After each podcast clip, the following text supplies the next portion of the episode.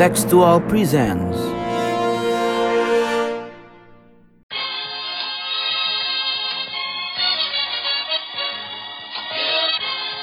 sondern wir schaffen uns unseren Staat. Mr. Gorbachev, open this gate. Together, we will make America great again. Sudah cukup bagi kita untuk mengatakan bahwa winter is coming. Selamat datang di podcast Bebas Aktif. Hari ini ada empat orang eh, yang bakal podcastan. Pertama ada Mas Abid yang baru sembuh dari gejala-gejala yang berbahaya.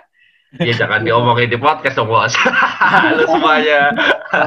udah udah gue udah sehat, udah aman terkendali. Alhamdulillah sehat ya. Alhamdulillah Iya. sehat. Dan, dan tidak tidak menyebar melalui ini suara kok aman tidak menyebar melalui Spotify. Tenang, 5G Yoi. aman, nggak nggak jadi sumber penyebaran.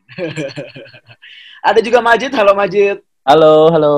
Halo dan satu lagi pastinya Mas Sofan. Halo Mas Sofan. Aduh. Oke, nah kemarin kan eh, dunia perhaian Indonesia nih lagi ramai sekali nih gue lihat-lihat di media sosial ya. Ada yang mencaci, ada yang mengkritik, ada yang mendukung. Apa apa pun yang diambil, menurut gue ini satu langkah baik eh, menuju apa exposure tentang eh, posisi kita di dunia internasional. Menurut gue ya, terlepas dari posisinya, apakah dia cuma buzzer dong atau gimana. Seenggaknya adalah kesadaran HI, gue udah merasa cukup lah, cukup oke lah, merasa cukup senang dengan adanya itu. Jadi kemarin ada diplomat Indonesia yang eh, meminta Vanuatu, perdana menterinya yang ngomong ya, untuk jangan ikutan soal urusan domestiknya Indonesia katanya di Papua gitu ya. Eh, ini menarik banget karena pastinya eh, berbagai perspektif yang udah kalian baca di Twitter Land atau di Instagram Land atau di Facebook Land semuanya eh, banyak banget opininya ada yang sampai memang sih ada yang bahkan sara ya sayangnya ya cuman eh, menurut gue jadi sebuah eh, isu yang sangat hangat gitu nah eh, sebelum kita langsung eh, masuk gue tutup dulu untuk bagian membuka ini tetap di podcast bebas Mr. Gorbachev, open this gate. Together, we will make America great again. Oke, eh, sebelum kita masuk ke segmen pertama, gue bakal promosi dulu pastinya. Jangan lupa buat follow Twitter dan Instagram kita, kontekstual COM. Follow juga Spotify kita, Podcast Bebas Aktif. Subscribe eh, YouTube kita, Kontekstual. Dan pastinya baca-baca artikel di kontekstual.com. Oke, ini gue langsung pengen nyerahin ke Majid sih. Jid, sebenarnya ada apa eh, sampai diplomat Indonesia ngomongin eh, ngomong seperti itu ke Vanuatu. Iya, jadi ini mungkin ngulang kejadian berapa tahun yang lalu ya? Empat lima tahun yang lalu yang kurang lebih sama. Jadi ada negara dari Pasifik, negara-negara di Pasifik ini, kemudian dia mengkritik eh, sikap Indonesia yang dianggap melakukan pelanggaran HAM terhadap masyarakat Papua. Nah, kenapa kemudian mereka punya kepedulian yang besar terhadap masyarakat Papua? Itu mungkin bisa dilihat dari eh, kesamaan identitas mereka sebagai masyarakat Melanesia di Pasifik itu kan ada tiga masyarakat besar ya, ada Melanesia, Mikronesia, dan Polinesia. Yang paling dekat dengan Indonesia ini namanya eh, Melanesia. Masyarakat Melanesia ini tersebar di eh, negara-negara Pasifik ya, seperti di Vanuatu, Fiji, dan di Indonesia itu ada juga di wilayah Papua, bahkan ada beberapa ahli yang bilang sampai ke Nusa Tenggara. Nah, tapi yang paling besar tuh masyarakat Melanesia itu justru adanya di Papua yang berada di dalam wilayah kedaulatan Republik Indonesia.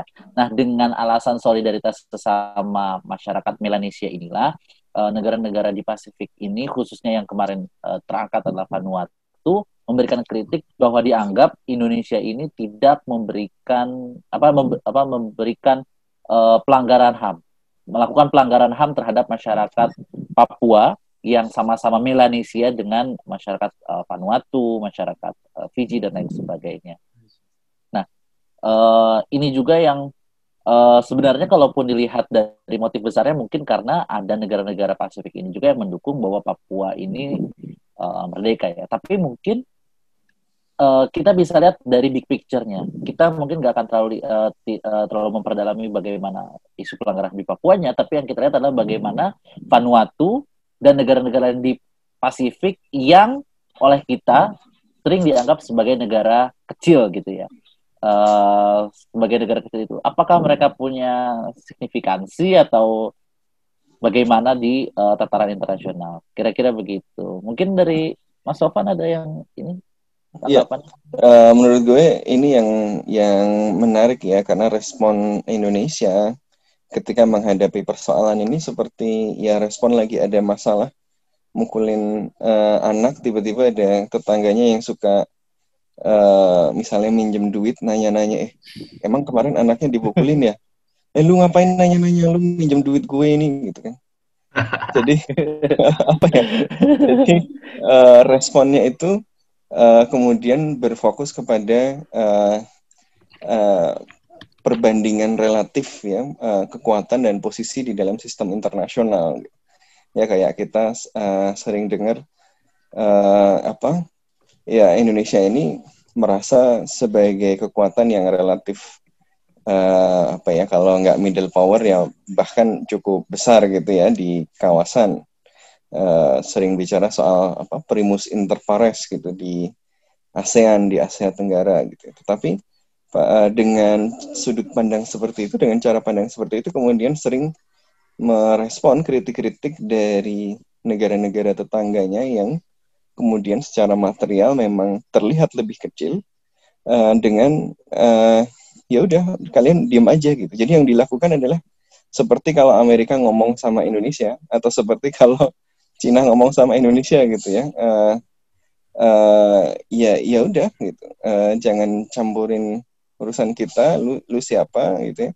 Uh, gue lebih gede, uh, lebih punya suara di dalam sistem internasional. Yang menurut gue ini adalah sebuah apa ya sebuah pendekatan yang barangkali perlu diperbaiki gitu ya. Uh, dan makanya menurut gue menarik sekali kalau hari ini kita bisa obrolin sebenarnya gimana sih cara kita memandang peran dari negara-negara yang secara material uh, secara uh, distribusi di, posisi di dalam distribusi kekuatan internasional itu sering diposisikan sebagai small states gitu ya. Uh, yang uh, dianggap kecil. Tapi gue ingat satu pesan menarik ini dari Pak Ali Alatas itu. Bahwa uh, apa kalau lagi ketemu pertemuan apa diplomat-diplomat uh, dari seluruh dunia salah satu yang menarik dari Pak Ali Alatas ini dulu katanya uh, jangan cuma ngomong sama yang besar-besar. Jangan lupa mengaruh kayak ya jangan lupa me, melakukan uh, hubungan baik dengan mereka yang uh, barangkali dari segi besar negara, besar kekuatan ekonomi dan macam-macam itu kecil karena mereka tetap berpengaruh. Nah, tapi kalau kita lihat pendekatan yang sering kemudian uh, sekarang muncul atau bahkan sampai di media sosial itu ya Instagramnya uh, Vanuatu diserang, uh, itu approach-nya adalah ah negara kecil dikepret aja nangis gitu ya. Maksudnya uh, uh, apa ya lo, lo, logic uh, uh, power ini ya uh, power logic ini bahkan sampai ke bawah. Tapi apakah benar uh, cuma power saja meter? Dan apakah small powers ini ya memang uh, apa ya sekedar hiasan aja di dalam panggung internasional? Atau sebenarnya ada peran yang mereka lakukan sehingga Indonesia atau aktor-aktor lain termasuk bahkan Amerika Serikat, Tiongkok itu harus memperhatikan eh, negara-negara uh, yang sering disebut sebagai small powers ini. Mas Abid? Ya by the way ngomong-ngomong soal apa namanya akun Twitternya yang diserang itu akun Instagram Vanuatu Island itu uh, official Instagram accountnya Vanuatu untuk promosi apa turismenya itu uh. ditutup komentarnya diserbu netizen Indonesia luar biasa ya Pak. Tapi ngomong-ngomong uh, tadi Mas Sofan udah nyinggung ya ketika kita bicara mengenai small states uh, di hubungan internasional sendiri itu ada pembahasan khusus yang menarik yang yang membahas secara uh, komprehensif mengenai bagaimana small states itu berinteraksi dengan uh, negara-negara lain. Nah kebetulan beberapa bulan yang lalu gue itu summer school di uh, Tallinn University Estonia dan salah satu alasan gue adalah karena di situ ada pembahasan mengenai small states uh, behavior karena Estonia kan negara uh, kecil terhitung negara kecil tetapi punya ambisi yang luar biasa besar sebagai uh, pemain uh, di bidang cyber security. Estonia itu tadinya di bawah Rusia kan ya? Iya, Estonia bawa di ya. bawahnya Soviet Union gitu. Terus sekarang bagian dari Uni Eropa dan ngerasa gue tuh Uni Eropa banget itu. Gokil lah Hmm. pokoknya. Nah, kalau tadi ngomongin uh, kalau Mas Sopan menekankan pada relasi antara uh, negara besar dan negara kecil gitu. Gue pengen melihat dari negara kecilnya sendiri. Sebenarnya kalau kita ngomongin negara kecil tuh siapa yang bisa disebut sebagai negara kecil? Nah, dari berbagai macam literatur itu disebutkan bahwa ketika mendefine sebuah negara kecil itu not necessarily tidak serta merta karena negara itu secara uh, kapabilitas, secara uh, absolut itu kecil banget gitu. Kalau Vanuatu kita udah jelas ya, udah kelihatan mata kalau itu negara yang uh, kecil gitu. Uh, teritorinya kecil, penduduknya kecil, secara GDP, uh, secara ekonomi dan secara militer juga uh, terbatas gitu. Tetapi sebenarnya pe- pemahaman kita mengenai negara kecil itu nggak hanya tentang itu doang, tapi juga ada yang sifatnya relasional. Gitu. Ada negara yang relatif besar, tapi jadi terasa kecil uh, dalam uh, dalam hubungan internasional. Contohnya apa? Ini kata dosen gue, kata Matthew Crandall itu adalah bahwa misalkan Bangladesh. Bangladesh kan gede nih, orangnya kan Oh, jutaan iya. kan. Tetapi Hmm. kalau lo ngelihat tetangganya, di situ ada India sama Cina, lo jadi kelihatan kecil cuy. Dan juga eh, misalkan Polandia misalkan, secara sejarah Polandia kan eh, negara yang besar kan, Eh, jumlah penduduknya banyak, punya kekhasan kultur yang banyak gitu. Tetapi kalau tetangga lo adalah Jerman dan Rusia, maka itu membuat situasinya menjadi berbeda dan lo menjadi terlihat sebagai negara yang relatif lebih kecil. Eh, nah, ketika kita ngomongin tentang negara kecil, yang mesti kita lihat adalah bahwa kecenderungannya negara kecil itu ada eh, tiga hal. Pertama itu mencari survival otomatis karena dia pasti punya pandangan bahwa negara gue itu ke- kekuatan dan kapabilitasnya itu terbatas, gue harus survival. Terus yang kedua itu mengejar status dan ketiga karena dia mengejar status, eh, dia juga berusaha untuk mencari rekognisi gitu. Kalau status itu dilegitimasi dari dalam dan luar, tapi kalau rekognisi itu yang lebih besar lagi gitu. Hmm. Nah, eh, kebanyakan negara kecil itu eh, me- menem- menempatkan survival itu sebagai yang paling utama karena bagaimanapun juga mereka terancam gitu. Biasanya secara geopolitik atau memang eh, eh, utamanya sih karena geopolitik ya kayak negara-negara kecil misalkan Taiwan gitu misalkan. Lo punya tetangga yang hostile banget, jadi pandangan utama lo itu adalah mencari eh, keselamatan diri gitu. Atau Estonia gitu. Mereka langsung begitu lepas dari Soviet Union, mereka langsung berusaha untuk bergabung dengan Uni Eropa, gabung dengan NATO gitu. Bahkan salah satu cara yang dilakukan oleh eh, Estonia itu menarik banget untuk memastikan bahwa dia itu eh, aman dari agresi atau pengaruh eh, ofensifnya Rusia. Dia tuh naruh, eh, dia minta NATO untuk naruh NATO Command Center on Cyber Security itu di Tallinn. Gitu. Jadi memastikan bahwa ada presence-nya NATO di sana. Dan cara-cara Hmm. untuk mencari aliansi itu eh, selalu dilakukan, hampir selalu dilakukan oleh negara-negara kecil yang eh, punya lingkungan geopolitik yang mengerikan gitu kayak misalkan Tai- Taiwan itu tadi atau Singapura di eh, awal-awal kemerdekaannya Ah, iya. Itu kan juga- success story itu Singapura itu. sukses story dan itu ngeri juga lo lo bayangin jadi Singapura gitu dari perspektifnya Singapura ketika awal-awal ber- berdiri Ah. satu lo habis diserang sama tetangga lo yang gede banget yang bernama Indonesia dan yang kedua adalah lo habis ditendang dari Federasi Malaya gitu. jadi eh, langsung Singapura men- mencoba untuk mencari cara untuk eh, mempertahankan survival, mempertahankan eksistensinya dengan mencari eh, aliansi di antaranya dengan eh, Amerika Serikat gitu. Nah, nah, tetapi yang kemudian belakangan eh, yang mesti kita lihat adalah status dan kemudian rekognisi. Yang ini dilakukan oleh eh, Vanuatu. Ketika ngomong, ketika Vanuatu ngomongin Papua itu tidak dilihat sebagai ini bagian dari eksistensi keamanan dan pertahanan mereka, tetapi bagaimana dia itu berusaha untuk tetap relevan dalam eh, percaturan hubungan internasional dengan mengatakan bahwa kami merupakan negara yang punya solidaritas terhadap bangsa-bangsa Melanesia gitu. Dan eh, praktek-praktek ini juga dilakukan oleh banyak negara lain gitu. Ini bukan hanya eksklusif miliknya Vanuatu gitu. Kalau kita melihat ke Eropa, eh, negara-negara favoritnya Hafiz yakni negara-negara Skandinavia itu kan terhitung negara kecil ya kalau dibandingkan Inggris, Eropa. Jerman, Prancis atau Rusia gitu. Tetapi mereka punya cara untuk memastikan bahwa status power mereka itu tetap uh, menggaung di seluruh dunia gitu. Misalkan Denmark nih, Denmark nih penduduknya kan 5 juta. Uh, ini kayak penduduk Nganjuk, Lamongan, Mojokerto, Kediri digabung gitu. nah, tetapi mereka punya uh, uh, cara untuk me mengangkat statusnya dengan cara menempatkan diri mereka sebagai negara yang uh, pro dengan isu-isu keberlanjutan, mereka pro dengan isu-isu uh, hak asasi manusia, sehingga demokrasi yang gitu. Iya, demokrasi dan lain sebagainya, sehingga uh, status mereka terangkat dan kemudian diikuti dengan rekognisi dari uh, dunia gitu. Nah, dalam kasus Vanuatu yang mesti uh, mesti kita perhatikan adalah Uh, kenapa sih mereka selalu konsisten gitu dari beberapa tahun ngomongin mengenai nasib orang-orang Papua gitu meskipun uh, kritiknya juga terhadap Vanuatu ada juga cukup relevan gitu ketika ngomongin tentang, tentang solidaritas hak asasi manusia dan seterusnya ternyata Vanuatu sendiri belum menandatangani uh, banyak traktat-traktat uh, penting gitu meskipun iya, itu iya. juga di, dipertanyakan kembali ya misalkan apa fungsinya tanda tangan tanda tangan kalau lo nggak nggak menjalankan nggak menjalankan gitu. Nah, uh, jadi menurut gue untuk melihat apa yang dilakukan oleh Vanuatu perlu kita lihat juga motifnya apa dia di situ dan jangan hanya serta merta kita jadi emosional, tetapi coba kita letakkan dalam kacamata yang lebih besar bahwa small states behavior itu ya memang seperti itu gitu. Mm-hmm. Dan itu tidak menjadikan kita menjadi bully gitu. Uh, membuat uh, karena kita negara besar, ambisi kita besar, uh, terus kita jadi uh, melakukan pendekatan secara apa ya agresif terhadap Vanuatu gitu. Itu pertanyaannya uh, adalah apakah kita negara besar, Bik? Atau Wah, kita... gua, gua baru mau ngomong gitu. Gua baru mau ngomong gitu. Apakah kita negara kalau besar? Gue ngerasa sih ya, kalau gue melihat uh, bahwa memang hanya di mekanisme multilateral lah negara-negara seperti Vanuatu bisa menentang negara-negara yang uh, menurutnya setidaknya kalaupun nggak besar kitanya ya relatif lebih besar daripada Vanuatu itself gitu kan. Secara populasi, secara penduduk gitu kan, secara military power kan memang ya lebih besar dong ya uh, dibanding Vanuatu gitu.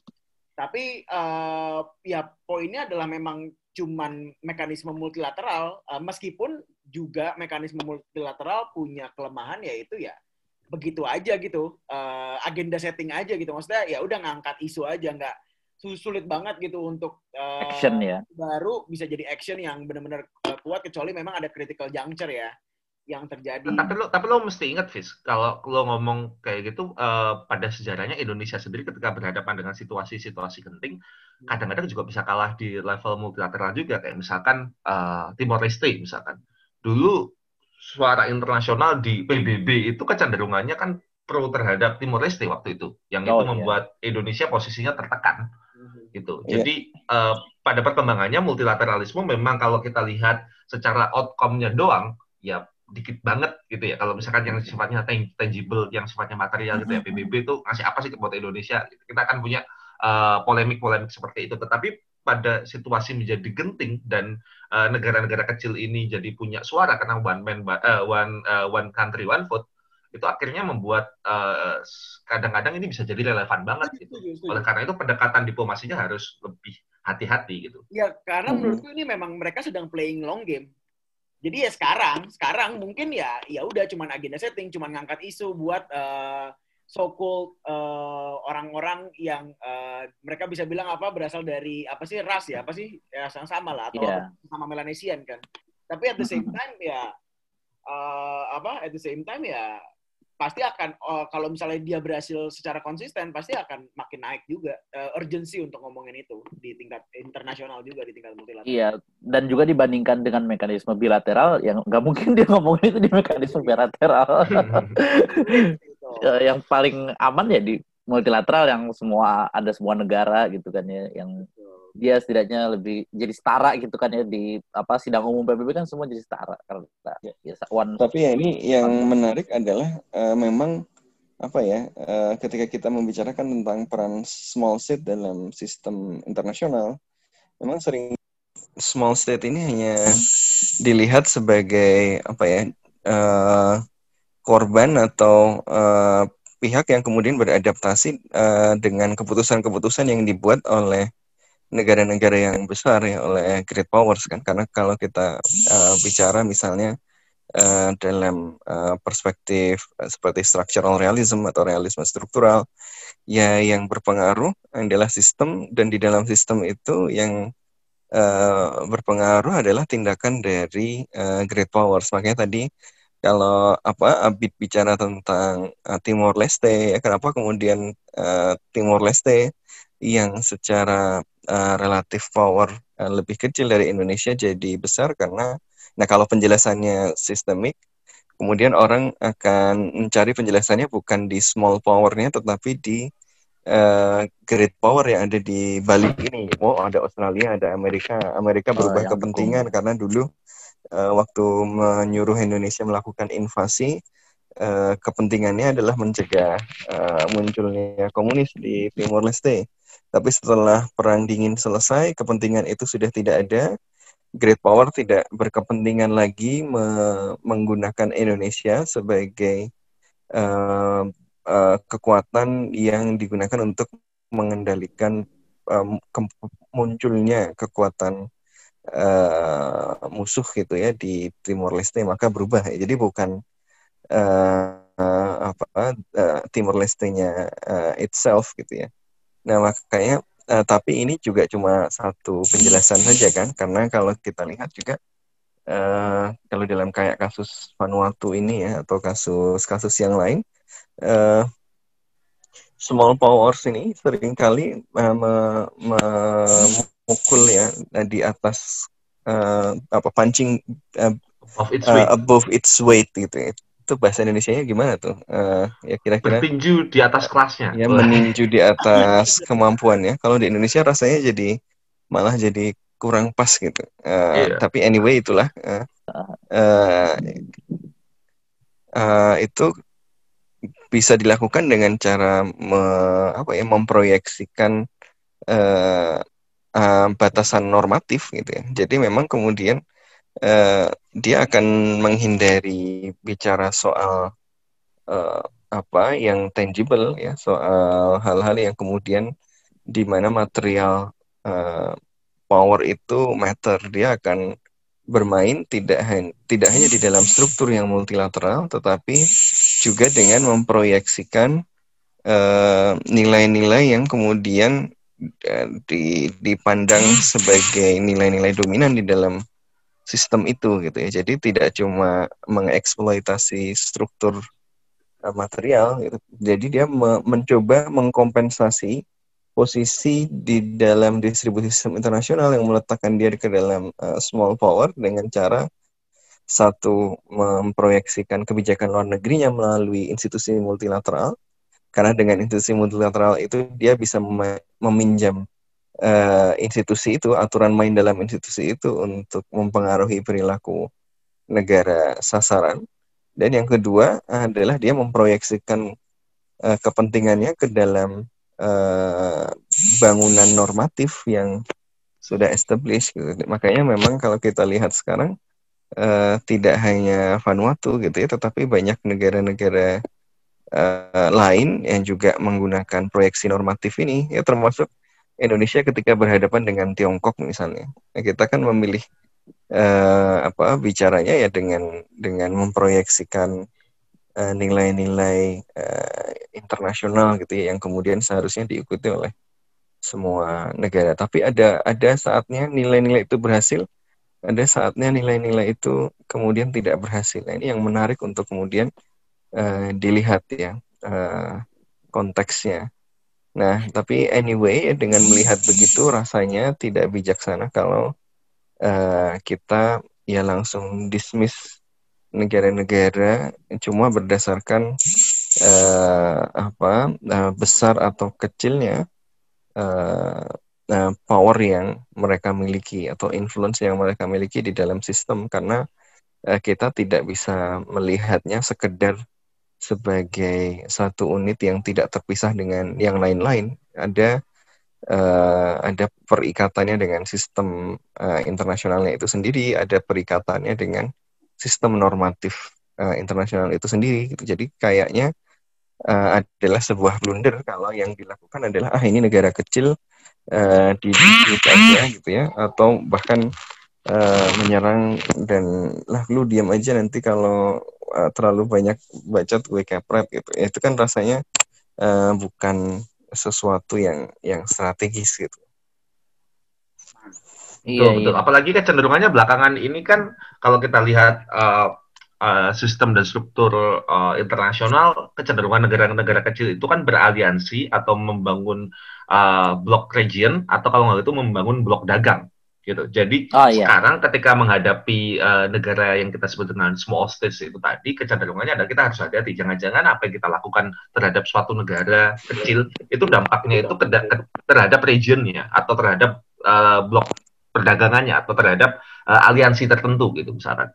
Uh, dan dan menurut gue, uh, gue sepakat dengan yang dibilang Mas Sofan. Uh, akhirnya uh, kita harus menempatkan ini juga juga menjadi harus seimbang juga antara sejauh mana kita melakukan uh, kalau dalam kacamata Indonesia ya sejauh mana kita tegas, sejauh mana kita kalem, sejauh mana kita memperlakukan dengan dengan lebih uh, lembut gitu misalkan. Karena uh, bagaimanapun juga menurut gue uh, Melanesian Spearhead Group kalau kita bicara langsung soal kasus Vanuatu dan tetangga-tetangganya ya menurut gua itu salah satu apa ya uh, region yang akan berkembang dan menjadi penting gitu ter terutama ketika negara-negara lain yang lebih besar juga mulai masuk ke situ gitu ya, Australia sebagai negara yang sudah established yang ada di sana dan kemudian ada China juga yang belakangan masuk ke sana dan mungkin Indonesia bisa menjadikan uh, negara-negara Melanesian Spearhead Group ini sebagai mitra dialog, mitra kerjasama sehingga bisa membangun hubungan uh, luar negeri yang baik antara satu negara dengan negara lain gitu. Jadi cara kita keras mungkin juga harus diimbangi dengan cara kita yang lunak juga gitu.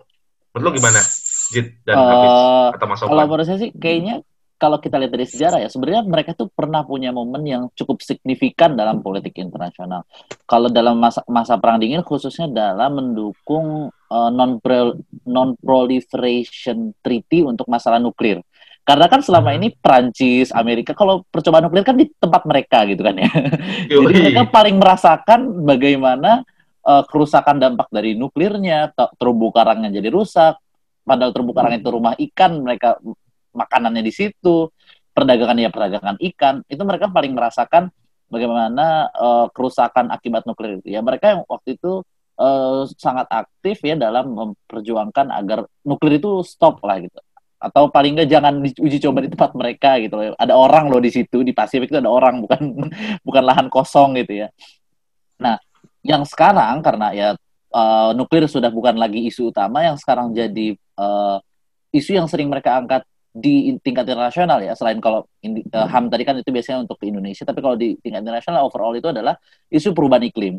Karena hmm. uh, ya mereka negara kepulauan yang air laut naik 5 cm aja mereka terancam kehilangan wilayah teritorialnya dan makanya mereka uh, termasuk negara-negara yang paling konsisten dalam mendukung perjanjian perjanjian-perjanjian di tingkat internasional yang berkaitan dengan uh, perubahan iklim.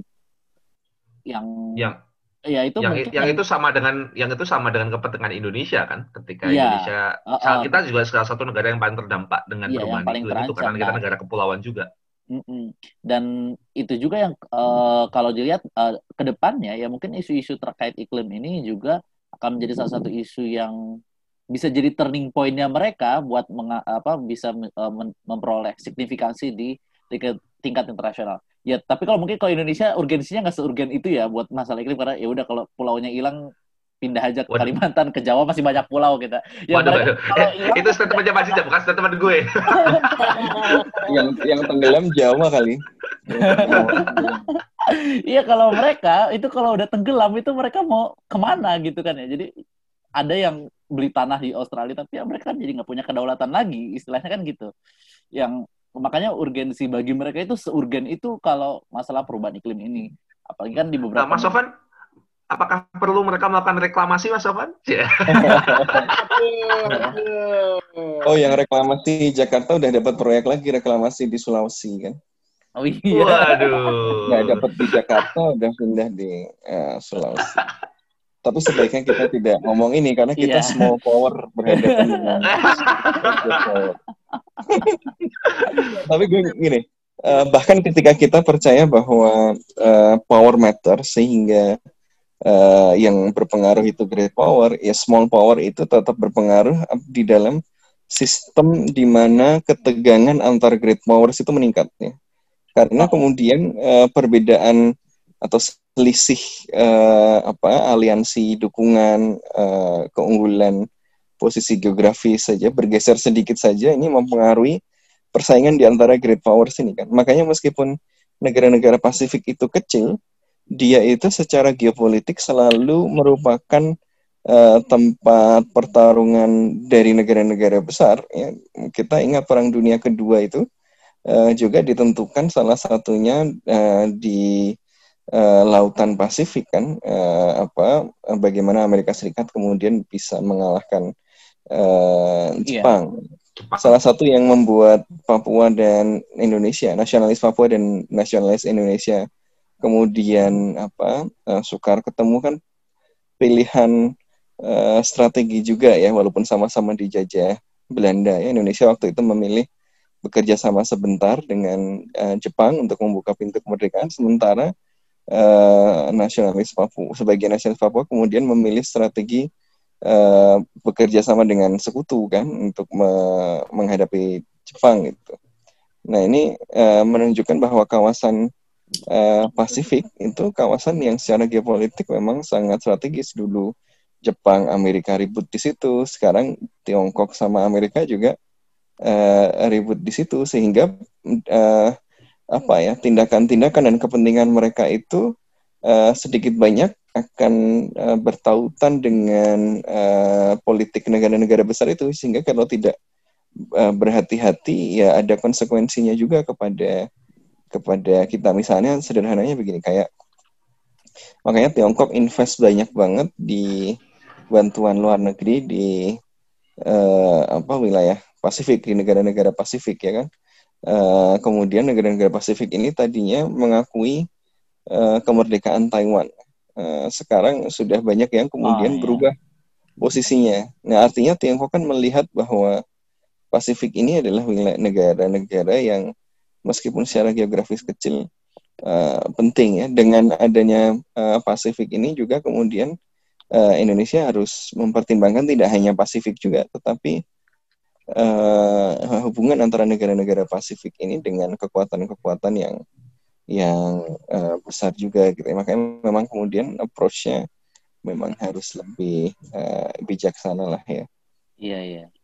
Apalagi juga kan sekarang kan perhatiannya Amerika udah nggak terlalu di Atlantik tapi udah bergeser ke Indo-Pasifik kan ya. Betul betul. Nah itu bakal berpengaruh karena ya mereka di Pasifik ada banyak negara yang meskipun yang power besar yang nggak terlalu banyak tapi yang kecil-kecil ini kalaupun nggak dibilang nggak bisa dibilang kecil juga karena mereka strategis juga buat Amerika karena kan kayak misalnya Amerika punya uh, pangkalan militer di beberapa negara Pasifik kayak di mana tuh Marshall Guam Guam eh Guam Marshall. Guam ya hmm. uh, di Guam kan jadi ya sebenarnya ya bisa dimanfaatkan oleh Amerika maupun ya mereka bisa memanfaatkan kehadirannya negara besar di situ untuk kepentingan hmm. mereka dan jangan lupa juga ada Perancis juga di situ di oh, iya, Caledonia tuh Ya, dan di New Caledonia banyak banyak sekali orang Jawa di situ.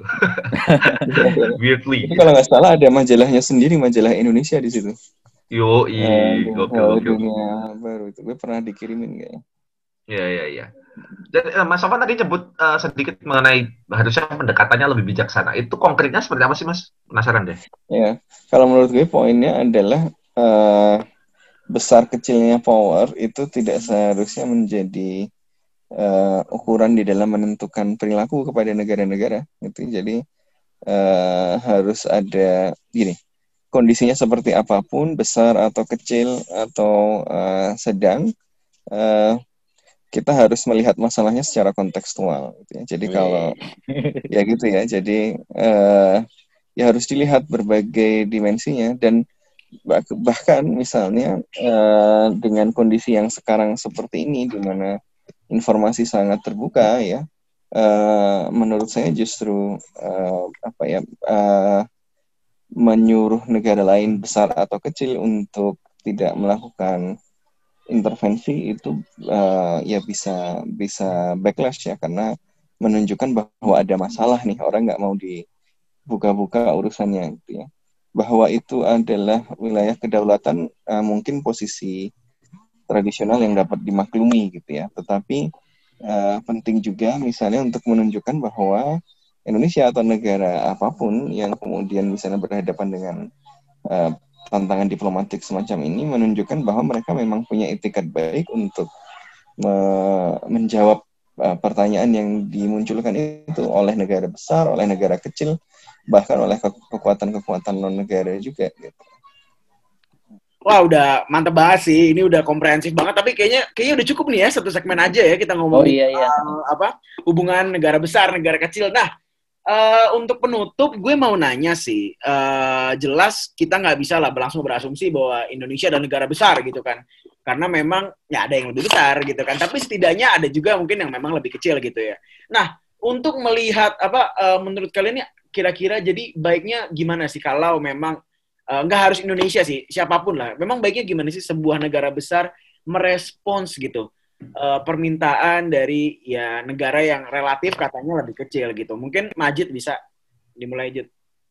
Ya mungkin ini ya filosofi hubungan luar negerinya Indonesia yang uh, zero enemy thousand friends. Nah, jadi kita bersahabat dengan negara siapa pun, nggak memandang dia besar atau kecil, nggak Anda memandang. pendukung rezim sebelumnya ya? Waduh. Ternyata Jid.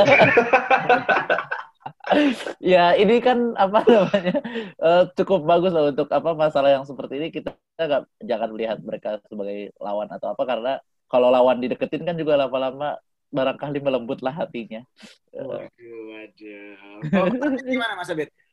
Ya, kalau menurut gue cara memandang negara kecil ini harus kita letakkan secara proporsional. Kita nggak hanya bisa karena kita menyebutnya negara kecil, jangan memper- memperkecilkan mereka atau memandang remeh mereka. Karena di sistem hubungan internasional sekarang, negara kecil punya makna, punya signifikansi yang harus kita uh, take into account, kita masukkan ke dalam pertimbangan dalam mengelola hubungan internasional, kita perlakukan dengan sebaik-baiknya jangan hanya kacamatanya itu hanya jangan kacamata ke kekuasaan atau power aja yang membuat Hmm. kita nanti memper, mem- meremehkan mereka dan memandang rendah mereka dan menurutku itu bukan situasi yang ideal. Eh, jadi kita harus ya selain kadang-kadang kita agak marah-marahan dikit juga perlu juga untuk kita itu rangkul dikit ngobrol gitu. Ya namanya hubungan internasional kadang marah, kadang happy, kadang rukun, kadang enggak. Ya, itu sesuatu yang biasa. ya Jadi kita harus tetangga aja lah ya. Iya, hubungan tetangga aja. Kita lihat dalam jangka panjang, ya pasti kita- namanya juga tetangga. Kadang-kadang kita juga harus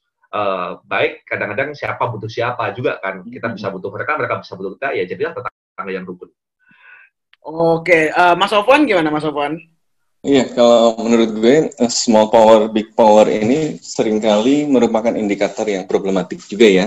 Karena ketika kita ngukur power, ukurannya apa gitu ya. Eh, sering kali kemudian kita mengalami kesulitan tahun 80-an akhir misalnya jumlah nuklir head-nya Soviet lebih banyak daripada Amerika. Tapi buktinya yang runtuh duluan Soviet.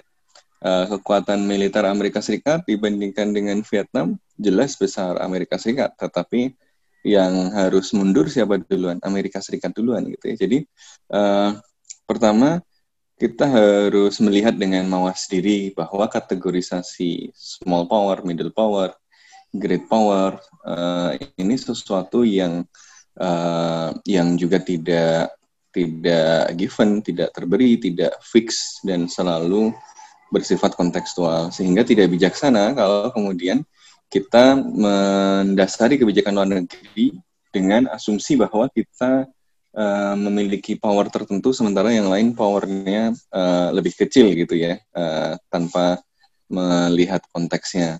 Awang Amerika Serikat yang sudah jelas superpower saja kerepotan di mana-mana, apalagi negara yang merasa big power tapi jangan-jangan nggak dianggap big power gitu ya.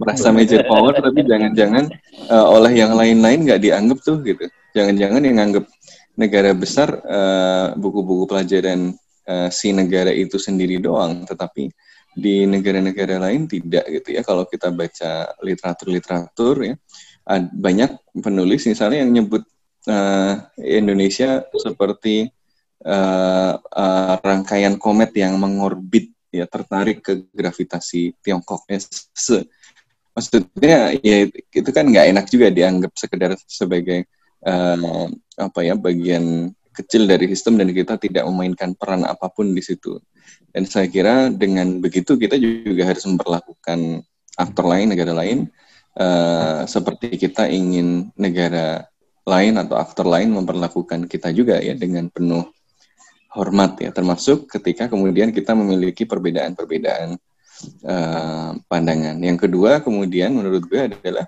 ya bahwa setiap isu itu punya kompleksitasnya sendiri. Jadi menjadi penting untuk ya melihat isu-isu ini secara lebih komprehensif dan tidak hitam putih gitu ya. Uh, termasuk juga setiap isu internasional itu pasti erat kaitannya dengan apa yang terjadi di dalam negeri, di dalam uh, isu domestik sehingga uh, ya ini harus jalan barengan. Ya, kalau mau meyakinkan Vanuatu dan negara-negara lain dan kemudian masyarakat internasional bahwa Indonesia baik-baik saja, Papua baik-baik saja ya, tunjukkan dan tunjukkan ikhtiar bahwa memang ada upaya perbaikan bahwa upaya lebih mendengar gitu ya uh, di sana. Ya semoga dunia semakin damai, kita semua makin bijaksana, kita mendengarkan uh, pandangan yang berbeda-beda ya uh, tanpa harus kemudian saling menyakiti dan meremehkan ya. Uh, udahlah, nggak usah lagi kepret-kepretan gitu. Kira-kira gitu. Jangan ya. nyerang Twitter negara ya. lain sembarangan gitu. Sampai tutup komentar. Instagramnya Vanuatu. Oh Instagram yang bukan Twitter ya. Berbahaya ini. Jadi ya udah oke okay. mantap sih menurut gue memang benar poinnya kita harus uh, bisa merangkul ya alih-alih terus berasa paling keren padahal juga gak gede-gede amat sih kayaknya. tahu hmm. ya. Tapi Fis, Fis, Fis, dalam hal komentar netizen kita kayaknya great power deh, Fis. Oh. Mulai dari ya, drakor sampai PBB kita diserang, kita nyerang. Yoi. Tapi itu contoh bagaimana great power itu sering translated into um, blunder gitu ya. Oh, jadi blunder. besar tapi tidak terkendali gitu ya. Hmm. Jadi malah uh, bukan skor uh, victory tapi malah uh, bikin own goals gitu ya. Betul. Oke lah segitu dulu kali ya buat podcast bebas aktif episode kali ini. Thank you buat teman-teman Majid, uh, Mas Abid, Mas Sofwan untuk uh, ngisi hari ini dan menurut gue memang uh, ini penting sih buat netizen Indonesia nggak asal berkoar lah ya. Uh, dan menuduh gitu asal menuduh di uh, media sosial. Segitu dulu untuk episode kali ini. Tetap dengerin podcast bebas aktif. Uh, dengerin juga podcast Bebas Aktif edisi-edisi yang lain. Sampai jumpa di episode selanjutnya. Dadah. Sampai jumpa. Intinya kalau ngeflex jangan sembarangan.